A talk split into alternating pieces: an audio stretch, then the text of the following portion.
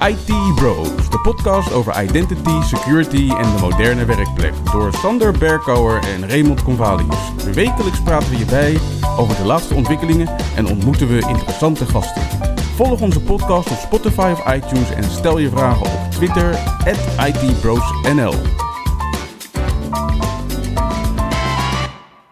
Ik ben Raymond Convalius. En mijn naam is Sander Berkouwer. Welkom bij aflevering 39 van seizoen 3 van de IT Bros podcast. Met in deze aflevering het meest recente nieuws, aankomende evenementen en uiteraard weer een productiviteitstip van Ray.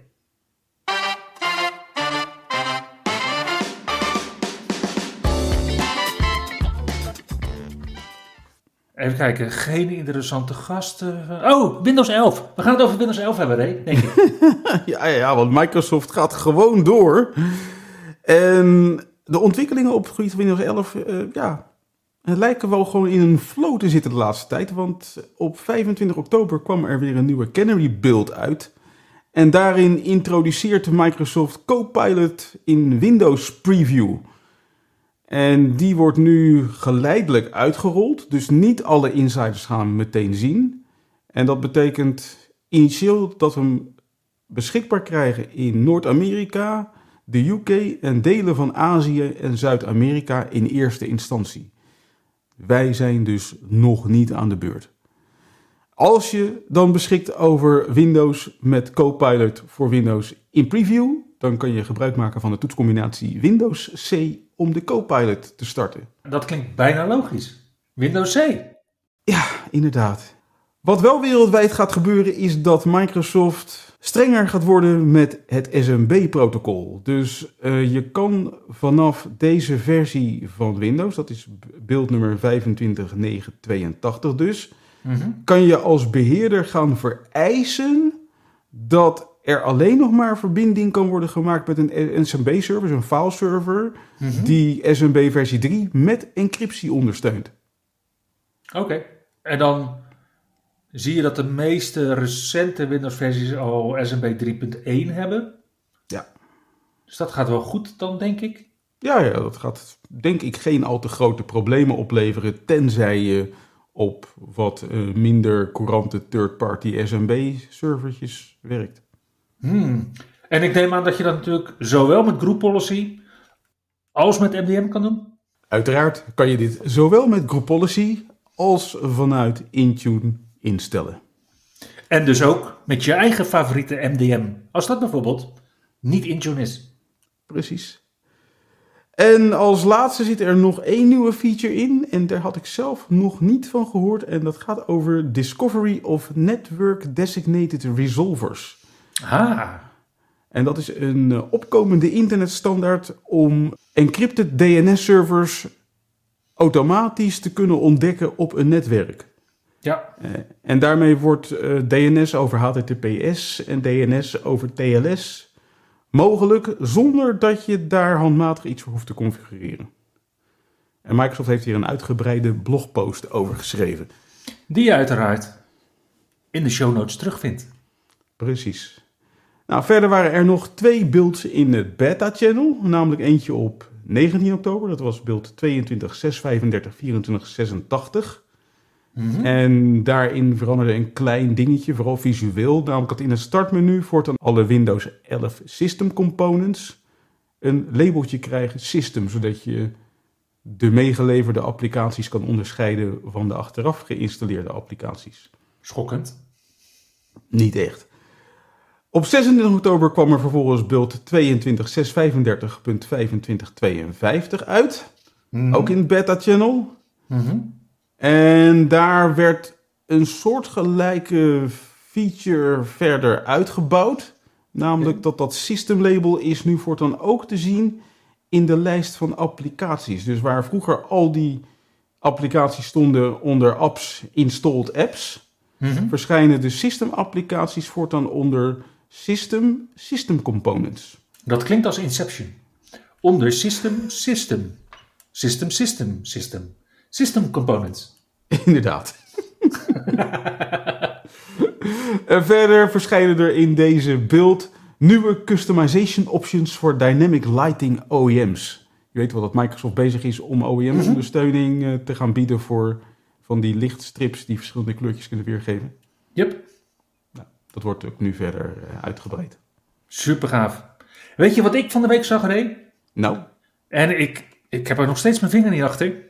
Maar Microsoft gaat dus Microsoft Recommended Conditional Access beleidsregels automatisch toevoegen aan Entra ID tenants vanaf volgende maand. Ja, ik heb het artikel. Ik heb de mededeling voorbij zien komen van Microsoft. En ik moet je eerlijk zeggen, ik snap het niet. Nee. Want ze kondigen dus aan dat ze Microsoft Managed Conditional Access beleidsregels gaan doorvoeren. Ja, dat is wat ik net zei. Ja, alleen betekent dat dat ze door Microsoft worden klaargezet. Worden ze ook enabled in die tenants. En in de Microsoft documentatie heb ik nog nergens terug kunnen vinden welke policies dat zijn. Nee, en als jij al een policy hebt die bijvoorbeeld multifactor authenticatie vereist voor het admin portal, wat een van die regels zou zijn.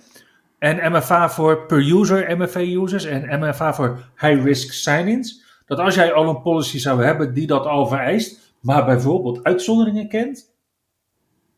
Wat, wat doet Microsoft dan? Of is dit wederom zoiets wat ze dan toevoegen aan organisaties die nog geen conditional access regels hebben? Maar die zouden eigenlijk allemaal al naar security defaults gemigreerd moeten zijn. Ja, daarom. En, en nou ja, goed, in ieder geval, wat ik hier een beetje. Nou ja, waar ik moeite mee heb, is dat in de aankondiging van Microsoft staat alleen maar dat ze iets gaan doen met de Microsoft Managed Conditional Access Policies. Ja. Vervolgens heb ik op twee third-party websites gevonden om welke policies het dan zou gaan. Mm Hoe die third-party websites dat hebben gevonden, dat het om die policies gaat, wordt me nergens duidelijk. Uh -huh. En vervolgens is dus ook volkomen onduidelijk wat Microsoft precies gaat doen met die drie policies. Gaan ze ze afdwingen? Of gaan ze ze klaarzetten? Of gaan ze ze afdwingen als je ze nog niet hebt? En ja, ik zit dan ook nog even met het probleem van... Uh, als jij Azure AD Free hebt, dan heb je helemaal geen conditional access policies. Dus wat doet Microsoft dan met deze policies? Worden ze dan onderdeel van je uh, security defaults als configuration settings? Nou ja, ook als je bijvoorbeeld Entra ID Free hebt en je zou in het SharePoint Management Portal zou je die unmanaged devices aanvinken, waarmee je dus die twee automatische conditional access beleidsregels maakt, dan zie je dat die conditional access eh, beleidsregels wel worden gemaakt, alleen je ziet ze dus nergens meer. Maar dat lijkt me ook lastig hoor. Dan moet je dus dadelijk als beheerder of ondersteuner iemand gaan uitleggen waarom ze multifactor authentication voor hun kiezen kregen, zonder dat je kan zien waarom ze multifactor authentication moesten doen. ja, inderdaad. Ja. Maar in ieder geval, ja, wat we eigenlijk nog niet hebben gemeld zijn welke drie conditional access regels er dan gaan komen. En dat zijn uh, eh, MFA voor admin portals. Nou, die snap ik helemaal. Dan staat er wat ze noemen MFA voor per user MFA users. Die snap ik al niet helemaal, want betekent dat, dat ze dan MFA voortaan gaan afdwingen voor alle gebruikers die enrolled zijn voor MFA, voor alle cloud applicaties, altijd. Nee, ik denk dat dit een migratiemethode is om eindelijk van het achterhaalde phone factor portal af te komen. Want per user MFA slaat eigenlijk altijd op dat vinkje wat je dus kunt zetten als enabled en enforced in dat oude, oude, oude portal, weet je nog? Oké, en hoe gaan ze dit dan in een group policy stoppen? Of een, hoe gaan ze dit dan in een conditional access policy stoppen? Ja, ik heb geen idee. Misschien dat ze die lijst met users overnemen. Ja, zolang er geen informatie is, zolang als er geen blogpost is, zolang als er niks in het message center staat, maar alleen iets op de Microsoft 365 roadmap waar één zin in staat, kunnen we blijven, uh, blijven gissen, Ray. Ja, oké. En dan heb je een, als laatste regel, die vond ik ook wel interessant, MFA voor high-risk sign-ins. Ja, nou, dat is normaal, P2-feature. Ja, en ingebouwd in de security defaults. Ja, ook. Ja, Maar als jij nou P1 hebt en je krijgt van Microsoft opeens een conditional access policy waarin staat MFA voor high-risk sign-ins, tot nu toe werkte dat helemaal niet. nee. Dus misschien dat deze regel ook niet werkt, tenzij je minimaal één P2-licentie in je internet hebt. Ik ben heel benieuwd. Ik denk dat we hier binnenkort nog wel meer over te melden zullen hebben. Ik denk dat we de volgende aflevering hier veel meer informatie over kunnen delen. Maar vooralsnog kunnen we heerlijk als schoolmeisjes in de koffiehoek giechelen over hoe Microsoft dit nieuws naar buiten probeert te brengen. Ja, inderdaad. Laat ik zo zeggen, onhandige marketing. Het is, het is weer typisch linkerhand, rechterhand, hè? Het is waar, waar we altijd zo op hebben gevoeterd. En dat gevoel wat bij mij de afgelopen jaren onwijs is afgenomen, ja, is hiermee toch wel weer, toch wel weer terug. Ja, inderdaad. Maar misschien heb ik dat hele gevoel volgende week al helemaal niet meer. Omdat Microsoft dan zo als een baas heeft gecommuniceerd wat ze hiermee doen. ja, Ik ben heel benieuwd. je, je weet het niet hè. Nee, inderdaad. En voor nu is het in ieder geval eh, raar. Intune had ook een update, namelijk Intune versie 2310 ging live. Mhm. Dus de oktober release van Intune. Daarin eh, was er onder andere sprake van vernieuwing in applicatiebeheer voor Windows. En dat is een feature waarmee het voor Bring Your Own Devices mogelijk wordt om op een veilige manier verbinding te maken met enterprise resources. Dus dan zou je vanaf je Bring Your Own Device enterprise applicaties op een veilige manier moeten kunnen installeren. Ja, het is eigenlijk MAM voorbij Edge. Ja, inderdaad. Ja, want MAM voor Edge hadden we al. precies. En dit is dan dus MAM voor Windows. Precies. En dan is er ook nog de mogelijkheid om eh, ja, inderdaad app protection policies los te laten. Of app protection policies te vereisen, moet ik zeggen. In conditional access met je Entra-ID. Ja, lekkere bubbeltjes maken. Precies. Nou, verder wordt het mogelijk om eh, line of business applicaties te installeren en te verwijderen op Android open source project systeempjes, zogenaamde Mhm. AOSP computertjes, telefoons en tablets. En wordt het mogelijk om op Apple devices gebruik te gaan maken van Declarative Device Management, oftewel een protocol waarmee je voortaan je updates kan timen wanneer ze moeten worden geïnstalleerd op je Apple-apparaten. Nou, wanneer ze geïnstalleerd moeten zijn. Inderdaad. En dan kan een eindgebruiker kan dan zelf bedenken wanneer hij dat dan wil. Dus als een piloot bijvoorbeeld zijn iPad gebruikt voor vluchtgegevens. En nou niet gelijk zeggen dat dat een vergezocht voorbeeld is, want het is gewoon een echt voorbeeld. Mhm. Dan hoeft hij tijdens de vlucht zijn apparaat bijvoorbeeld niet te herstarten voor een grote iOS-update. Of zijn app niet te herstarten voor een nieuwe versie, die niet lek is, bijvoorbeeld. Maar dan kan hij dat pas na de vlucht doen, als hij daar nog voldoende tijd heeft. Ja, precies. En nu is Apple eh, niet alleen binnen Intune bezig, maar ook daarbuiten eh, roeren ze zich. Want volgende week is er een evenement dat heet Scary Fast. En dat wordt waarschijnlijk niet helemaal toevallig gehouden op 30 oktober, wanneer het ook de avond is van Halloween. Mhm. Yep. En daar gaan ze ongetwijfeld nieuwe hardware aankondigen. Het gerucht gaat dat het de dag wordt waarop Apple de M3 gaat bekendmaken. Ja, maar ook een, een M2 Pro of een M2 Plus voor eh, een nieuwe iMac of een nieuwe MacBooks zou natuurlijk al eh, wel heel mooi zijn. Ja, Als het wel die M3 chip is trouwens, dan zou dat een chip zijn die is gebakken op 3 nanometer. zo. Het zijn echt hele kleine circuitjes. Ja, inderdaad. En hoe kleiner het circuit, hoe sneller een processor natuurlijk kan.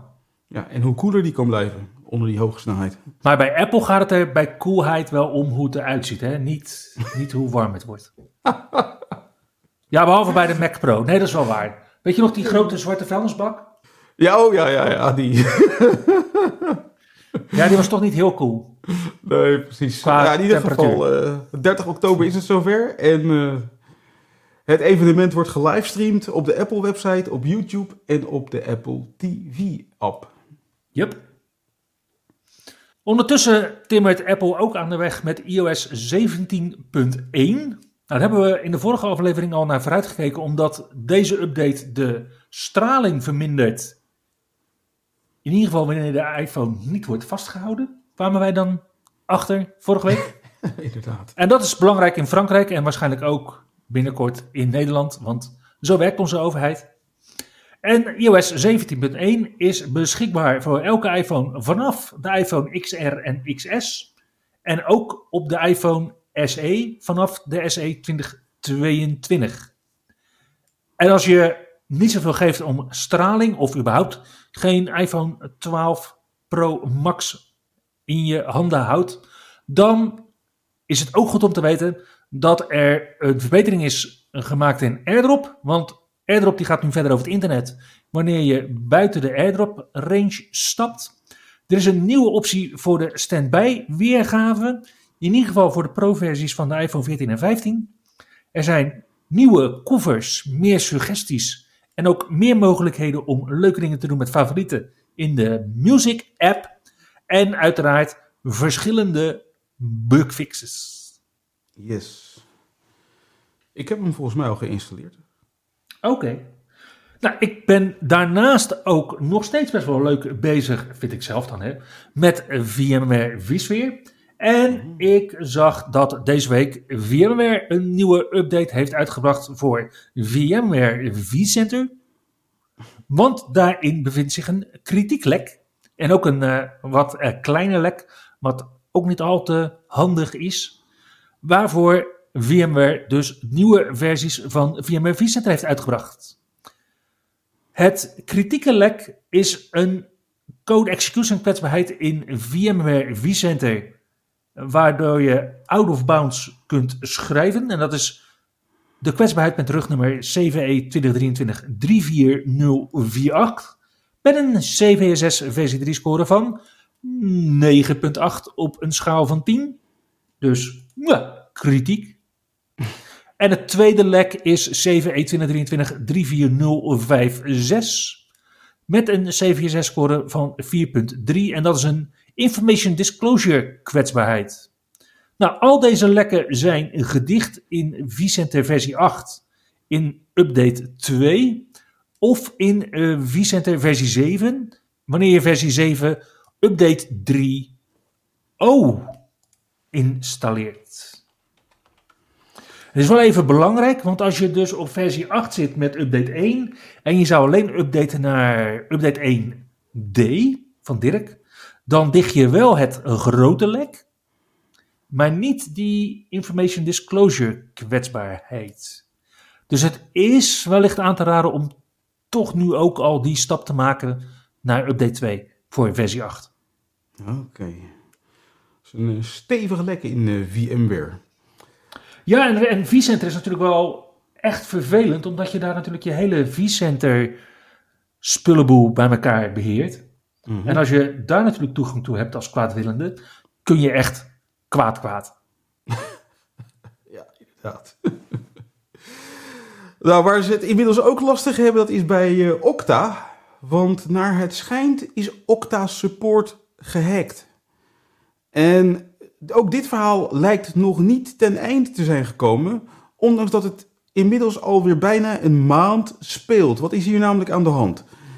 Beyond Trust ontdekte dat er sprake was van een identity aanval op 2 oktober. En gaf dat door aan Okta. Nou, daar gebeurde volgens mij niet zo heel veel mee. Tot 19 oktober, toen erkende Okta dat er inderdaad sprake was van een hack. En dit is waarschijnlijk geweest nadat Cloudflare op 18 oktober ook identity aanvallen ontdekte op de infrastructuur van Okta. En die wist tegen te houden. Ondertussen is het OnePassword die de details van deze hack de wereld doet rondgaan momenteel. Want die hebben precies beschreven hoe deze hack op dit moment invloed heeft gehad op hun omgeving. En waar naar het schijnt de problemen nog opgelost moeten worden bij Okta. En Okta is er eigenlijk op dit moment niet heel veel verder gekomen dan de mededeling dat er inderdaad sprake is geweest van een hack en dat ze een aantal maatregelen hebben genomen om te voorkomen dat deze hack voortduurt. Maar ondertussen is het eigenlijk redelijk vaag wat er precies aan de hand is. Maar even in het kort. Wat OnePassword beschrijft is het volgende. OnePassword maakt gebruik van Okta. En die hebben een sportcase geopend. Dat hebben ze gedaan op... eh, Die datum heb ik niet precies, maar dat hebben ze gedaan ergens eind september. En in die supportcase is door Okta gevraagd aan OnePassword om een zogenaamd HAR-bestand te uploaden naar Okta. En dat is ook gebeurd. En zo'n HAR-bestand dat bevat de details van alle verkeer tussen de client en de Okta-servers, inclusief alle gevoelige informatie zoals sessies-cookies. Yep. Nou, die sessie-cookies die zijn vervolgens op vrijdag 29 september gebruikt door wat heet een unknown actor, die deze credentials heeft gebruikt om bij het beheerportaal te komen van OnePassword bij Okta. Nou, en die hacker die is vervolgens daar een beetje gaan rondneuzen. Die heeft geprobeerd om van het, zeg maar, het teamlid wat die HAR-file heeft gemaakt, om daarvan het gebruikersdashboard te benaderen. Nou, dat is geblokkeerd door Okta, waarschijnlijk door iets als een conditional access policy, vermoed ik zo. En ondertussen was die hacker wel in staat om de bestaande IDP bij Google voor OnePassword, om die te updaten en te activeren. Sorry, bij Google? Ja, dus OnePassword gebruikt een Google Identity om binnen te komen bij I see. Ja. Okta. Ja. En die identity provider van Google, die werd geactiveerd door die hacker, om vervolgens door die hacker gebruikt te kunnen worden om als een OnePassword medewerker binnen te komen bij Okta. Nice. I get it. Vervolgens ging die hacker nog even verder en vroeg een lijst op van alle beheerders van OnePassword in de omgeving van Okta. Op dat moment ging er een alarmpje af en kreeg een beheerder van het OnePassword IT-team kreeg een mailtje binnen met een waarschuwing van hey, hier is iets aan de hand. Nou, daar is men gaan zoeken, heeft men toen niks gevonden. En men is in contact getreden met Okta. En de logs van Okta die laten zien dat dit HAR-bestand, op dat moment dat het misbruikt werd door die hacker, dat het nog niet was benaderd door een support engineer van Okta. Dus je moet je voorstellen, iemand van OnePassword uploadt dat gevoelige bestand naar Okta. En Okta zegt van wij hebben er nog niet aangezeten, maar er is wel een hacker geweest die misbruik heeft gemaakt van de informatie in dat bestand. Nou, dan denk je van, nou, misschien ligt het dan aan de kant van OnePassword. Hoe is dat bestand geüpload? Nou, het bleek dus dat dat bestand is geüpload vanaf een MacBook van een medewerker van OnePassword op een hotelnetwerk. Dan denk je in eerste instantie, oh, dan is het gewoon gestolen vanaf het, vanaf het hotelnetwerk. Dat dat is waarom medewerkers niet van hotelnetwerken mogen gebruik maken natuurlijk. Precies. Dat is waarom we dat altijd horen. Ja, maar ja, ondertussen maakt natuurlijk Okta gewoon gebruik van TLS en HSTS, waardoor je een secure tunnel hebt tussen de client en de webserver van Okta. En is het zeer onwaarschijnlijk dat die data in die encrypte tunnel is gestolen. Ook niet op een hotelnetwerk. Ondertussen is men dus ook verder gaan zoeken op die MacBook. Die heeft men gescand op malware. Niks gevonden. Dus bij Okta tast men in het duister, want daar kunnen ze niet vinden dat iemand dat HAR-bestand heeft benaderd. Maar ze voelen ook wel een beetje nattigheid bij Okta, want er zijn natuurlijk meerdere identity-aanvallen geweest die ook zijn gemeld door Beyond Trust en Cloudflare. Dus bij Okta zijn ze inmiddels wel maatregelen gaan treffen. Ze hebben gezegd van nou, alle IDP's die niet van Okta zijn, die gaan we blokkeren. Dus dat geintje wat deze hacker uithaalde om een IDP van Google te activeren voor Okta, kan niet meer. De sessietijden zijn teruggebracht van de beheergebruikers van Okta. Er zijn strengere regels gekomen voor het gebruik van MFA voor de beheerders van Okta. En het aantal super administrators is sterk teruggebracht, zodat er zo min mogelijk mensen dingen kunnen doen die niet worden gelogd.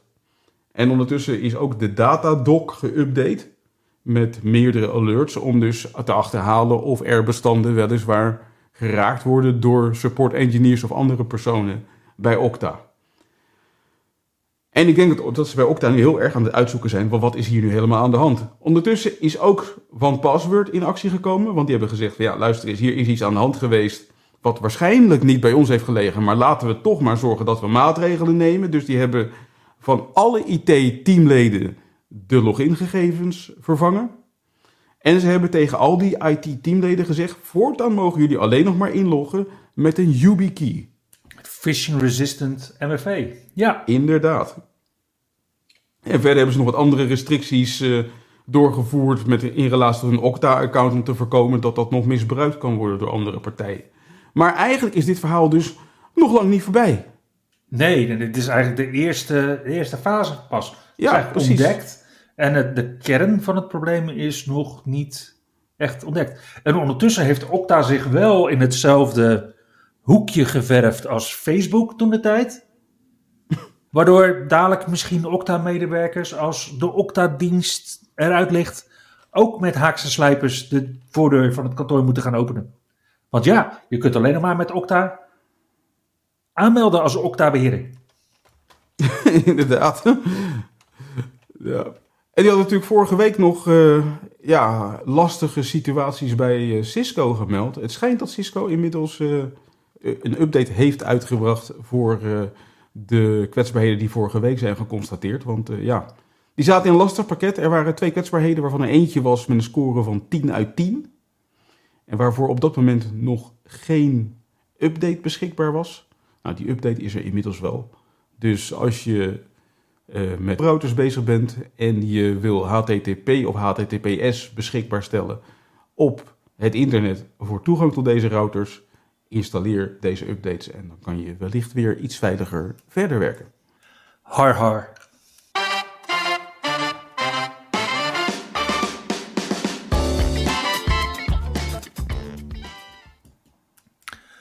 Voor aankomende week zien we twee evenementen. Op woensdag 1 november kun je bij de Workplace Ninjas aanschuiven voor een evenement bij Wortel in Leinden. Dat is om de hoek bij Schiphol. Waar je Sander Rozenmuller treft met een sessie over Autotune Adventures in Intuneville. Een sessie van Erik Loef kunt bijwonen van Applocker naar WDAC. En tussen de kleine en grote borrel in een sessie van Samantha Kloos Kilkens kunt zien over Security Copilot. Op woensdag 1 november en donderdag 2 november is het dan tijd voor CyberSec Europe. Een uh, vrij uitgebreid security evenement met een heleboel uh, participanten en bedrijven die zichzelf gaan presenteren. En een keynote van niemand minder dan Mico Hipponen. Dit evenement vindt plaats in de jaarbeurzen in Utrecht en we wensen iedereen die daarheen gaat veel plezier.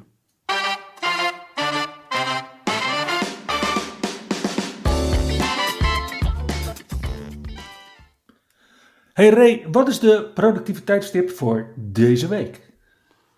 Nou, deze week ga ik toch weer even terug naar Visual Studio Code. Je weet wel, dat programma waarmee je ook als IT-pro bijzonder leuk kan programmeren en scripten met onder andere PowerShell en andere zaken.